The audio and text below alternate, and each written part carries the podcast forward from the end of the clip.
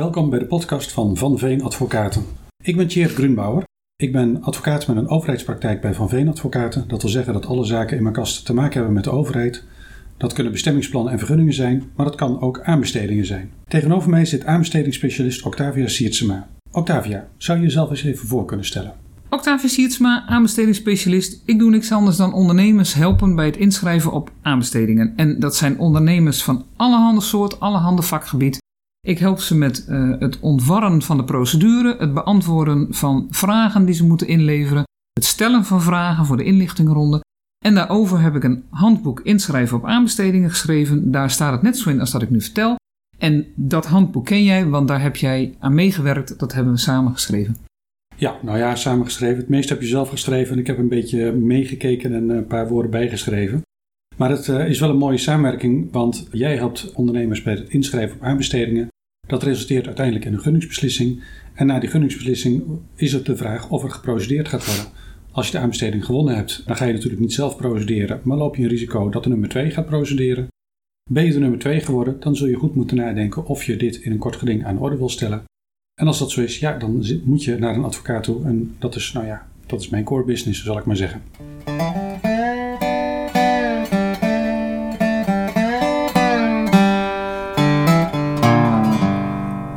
Um, Octavia, kun je eens uitleggen wat het begrip commercieel gevoelige vragen betreft? Dat zijn vragen waarvan de antwoorden jouw commercieel of economisch belang kunnen schaden. En dat zijn vragen eh, die je stelt om verduidelijking te krijgen van de aanbesteden dienst. Maar als je het antwoord krijgt, kan dat ook een handig antwoord zijn voor je concurrenten. En die vragen kun je dus stellen, maar dan weten je concurrenten wat jij van plan bent.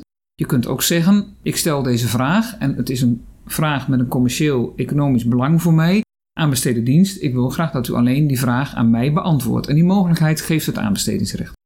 En als zo'n aanbestedende dienst nou zegt, ja, uh, mevrouw maar dat kunt u wel zeggen, maar dat vinden wij eigenlijk helemaal niet. Dat is het lastige, want uh, de vraag of het jouw commercieel-economisch belang schaadt, is helaas aan de aanbestedende dienst. Die bepaalt dat. Of ze dat altijd kunnen, goed kunnen inschatten, vraag ik mij af. Maar dan is het pech. In de meeste gevallen zegt de aanbestedende dienst, of dan krijg je een antwoord terug van de aanbestedende dienst. En die vragen dan aan jou van wat wil je met die vraag? Alsnog indienen dat iedereen het antwoord ziet en dat het dus in de nota van inlichtingen verschijnt. Of stelt u hem alsnog niet? En daar moet je dan even iets over zeggen. Ja, misschien nog even voor de luisteraar, want we hebben het over het stellen van vragen. Dat doen we in het kader van de, van de nota van inlichtingen. Dat betekent dat je als inschrijver vragen stelt aan de aanbestedende dienst. Die stel je via het formele loket van Tendernet, niet op een andere manier. Als je op een andere manier de vragen stelt, dan gaat het fout.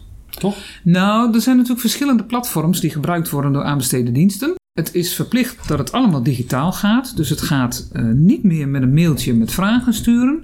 Het gaat digitaal en dat houdt in dat het of via Tendernet gaat, of via aanbestedingskalender, of via CTM. Um, ehm, maar het is belangrijk dat je het op die manier stelt. Wat ik heel erg duidelijk wil maken is dat als je de vragen gaat stellen aan medewerkers van de gemeente of medewerkers van de aanbestedende dienst, dan ga je wel een aanbestedingsrechtelijke doodzonde. Want dan, ga je, uh, dan kan het verwijt worden gemaakt naar jouw onderneming dat je hebt geprobeerd om de, de uitkomst van de aanbesteding te sturen. En dat betekent dat je inschrijving meteen uitlicht. Dus kortom, zorg ervoor dat uh, als je vragen stelt, doe dat via het formele loket van Tendernet. Geef daarbij aan of het een commercieel gevoelige vraag is. Maar ga beslist niet bellen met degene die de opdracht uh, in de gemeente heeft uitgezet. Want ja, dat mag gewoon niet. En dan lig je er ook uit. Maar even ter aanvulling, het is niet alleen Tendernet voor de goede orde. Het is ook Negomatrix, aanbestedingskalender, CTM en uh, Commerce Hub. Dat zijn de andere uh, platforms die gebruikt worden. Ik weet dat er ondernemers zijn die mij inderdaad wel eens vragen van... ik ken iemand binnen de aanbestedende dienst, die ga ik bellen. Ik zeg dan altijd heel eerlijk, uh, dit en dit is het risico. Wees je ervan bewust en je moet verder zelf weten of je het wel of niet doet.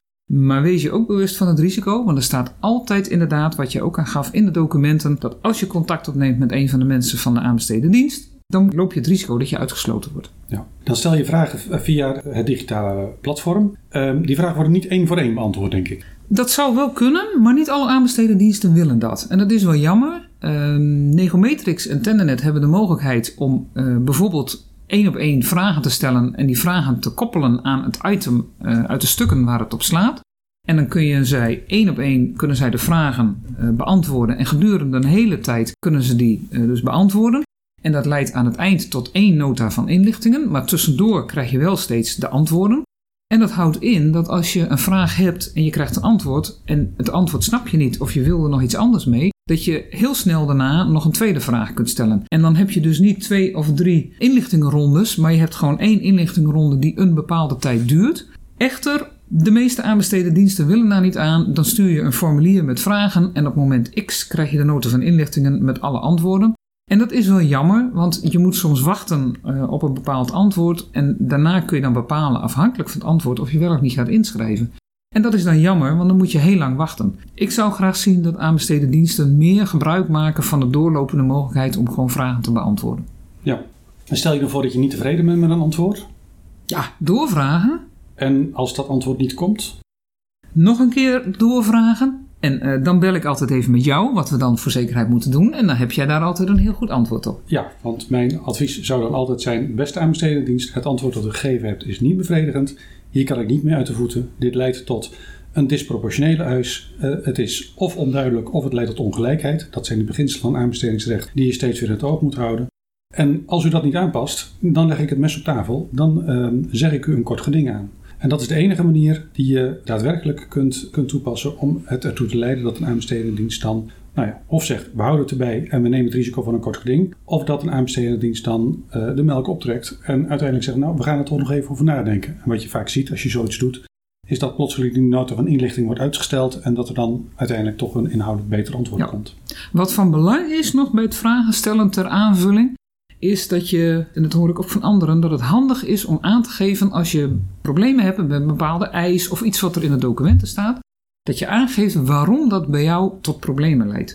Dat maakt dat de andere kant van de tafel er waarschijnlijk meer begrip voor heeft waarom je het vraagt. Echt kortweg vragen dat iets niet kan of dat je daar niet mee eens bent en dat de aanbesteden dienst het moet veranderen, werkt vaak niet zo handig. Leg uit waar je tegenaan loopt, wat het probleem is en wat je graag als alternatief zou willen. Helder. Dat is uh, van belang om te doen. Ik wil het nog een beetje hebben over de beoordeling van de inschrijving. Hè? Want dan hebben we vragen gesteld. Dan gaan we de, de inschrijving maken. Althans, dat ga jij dan doen met je tekstschrijvers en met je gedachten daarover. En dus komt natuurlijk ook een aantal wiskundigen aan te passen. Ja. Want die gaan we bekijken wat het allemaal precies kost en uh, hoeveel centimeter het allemaal precies groot wordt. Maar dan komt er op enig moment een beoordeling. Het begrip MV, wat houdt dat dan precies in? MV is economisch meest voordelige inschrijving. Het is een onderdeel van, en dat klinkt heel ingewikkeld, beste prijs-kwaliteit verhouding. Dat houdt in dat de aanbesteden dienst een mix heeft van een beoordeling prijs en een beoordeling van de kwaliteit.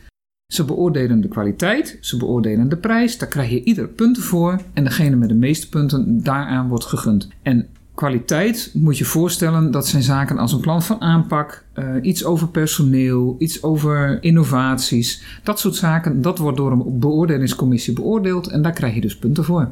En hoe zit die systematiek van punten dan in elkaar? Dat ziet eruit dat een beoordelingscommissie bijvoorbeeld een uh, range heeft van uh, punten 3, 6, 9 of uh, 3, 5, 7, 10. En 3 punten is heel slecht, 5 is goed, 7 is beter en 10 is uitstekend. En zij kijken naar het antwoord. Ze gaan of alle antwoorden van alle inschrijvers vergelijken. Of ze kijken stuk voor stuk naar elke inschrijving, beoordelen die apart en geven dus een van die rapportcijfers. Het is mijn ervaring dat die beoordeling met, uh, met rapportcijfers, ja, dat is, dat is altijd buitengewoon vaag. En het is ook altijd buitengewoon vaag om daar op een goede manier een vinger achter te krijgen hoe er is beoordeeld en of dat eigenlijk allemaal klopt. En ik zeg altijd tegen mijn cliënten, dat is dezelfde discussie die je voert met de meester of met de juf over je opstel. Had je nou een 7 of had je nou een 8 moeten krijgen over je opstel? Ja, en dat zijn discussies die je niet wint, ook niet voor de rechter. En zodra je uh, pas kunt zeggen, nou ja, ik heb een 2 gekregen en had eigenlijk een 8 moeten zijn. Nou ja, dat zijn discussies waar je bij het recht wel wat van krijgt. Want daar kun je dan van zeggen, ik heb gelet op datgene wat is gevraagd. Ben ik ingegaan op deze en deze en deze, deze punten. Ik kan me voorstellen dat het geen 8 is, maar het is in elk geval ook geen 2. Nou, en als je daar een heel helder onderscheid in kunt brengen, dan kom je misschien een eind met, uh, met procederen. Er zijn eigenlijk twee soorten zaken waar je over kunt procederen. Uh, als jurist zeg ik dan de formele en de materiële. De formele gaat over problemen die zich in een inschrijving voordoen. Uh, er mist een certificaat, er mist een getuigschrift, er mist een, uh, een stuk van de Belastingdienst. Er is iets mis met de stukken die worden ingediend, er ontbreekt een stuk. Dat zijn zaken waarbij het eigenlijk vrij eenvoudig procederen is, want het klopt of het klopt niet. Maar veel lastiger is het om te procederen over de inhoud. Want dan moeten we het gaan hebben over de vraag of het plan van aanpak wat voor cijfer heeft het gekregen en of de beoordeling van de beoordelingscommissie of die wel helemaal klopt. En dat zijn de discussies die altijd buitengewoon lastig zijn en waarbij je er rekening mee moet houden dat de aanbestedende dienst een grote beoordelingsvrijheid heeft om daar een cijfer aan te hangen en dat een rechter terughoudend toetst of dat een juiste becijfering is. Sterker nog, de rechter toetst niet of dat een juiste becijfering is, maar de rechter toetst of er een redelijk verhaal is van de aanbestedende dienst die bij dat cijfer past. En dat is natuurlijk eh, een hele lastige discussie, net wat ik net zei. Die, eh, de discussie met de meester over de vraag of je opstel een 6 of een 8 had moeten krijgen. Dat zijn discussies die je lastig wint en waar een rechter ook van tevoren zegt: luister eens, alles waar het gaat over de inhoud van de beoordeling van of iets wel of niet vindt passen bij datgene wat is gevraagd, daar zit altijd zoveel subjectieve elementen in. Daar wil ik als rechter eigenlijk niet intreden, want ik, rechter, ben onderdeel van de rechterlijke macht en niet van de uitvoerende macht, dus ik ga daar niet al te diep in zitten. Maar het is natuurlijk wel zo dat je af en toe best kunt aangeven dat de twee die je hebt gekregen echt niet matcht met het verhaal wat je hebt geschreven in je plan van aanpak. Dat het misschien geen 8 was, maar dan toch op zijn minst een 5. Ja, klopt. En als je dan aan het einde kijkt naar die gunningsbeslissing, dan, dan, dan is bij die gunningsbeslissing die uitleg niet voldoende duidelijk. En als je dan je score omhoog kunt krikken van een 2 naar een 5, kan het best zo zijn dat je in het totale puntentotaal toch uiteindelijk de winnende inschrijver wordt en daarmee dat een kort geding zin heeft. En daar wil ik nog even op inhaken, want dan kom ik weer terug waar we eigenlijk deze podcast mee begonnen zijn, met het stellen van vragen. Die hele beoordeling en de beoordelingscommissie en hoe er beoordeeld wordt en wat de beoordelingsmethodiek is, al dat soort zaken is van belang om dat heel goed te bekijken en daar de goede vragen over te stellen. Want het is, dat weet je ook heel subjectief wat daar gebeurt. En je moet als inschrijver proberen met je vragen dat zo objectief mogelijk te krijgen uiteindelijk. Daar gaat het om. En ik voeg eraan toe dat dat soort vragen veel te weinig worden gesteld, zodat ik als advocaat achteraf naar een dossier moet gaan kijken en zeggen tegen mijn klant: heb je daar eigenlijk wel vragen over gesteld? Weet je nu hoe je wordt beoordeeld? Snap je nou wat je moet opschrijven? En weet je op welke punten je in je uh, plan van aanpak wordt beoordeeld? Klopt. En dat is het belang van vragen stellen ook. Kortom, vragen stellen en weten waar je op inschrijft is een van de meest belangrijke dingen bij het inschrijven op aanbestedingen.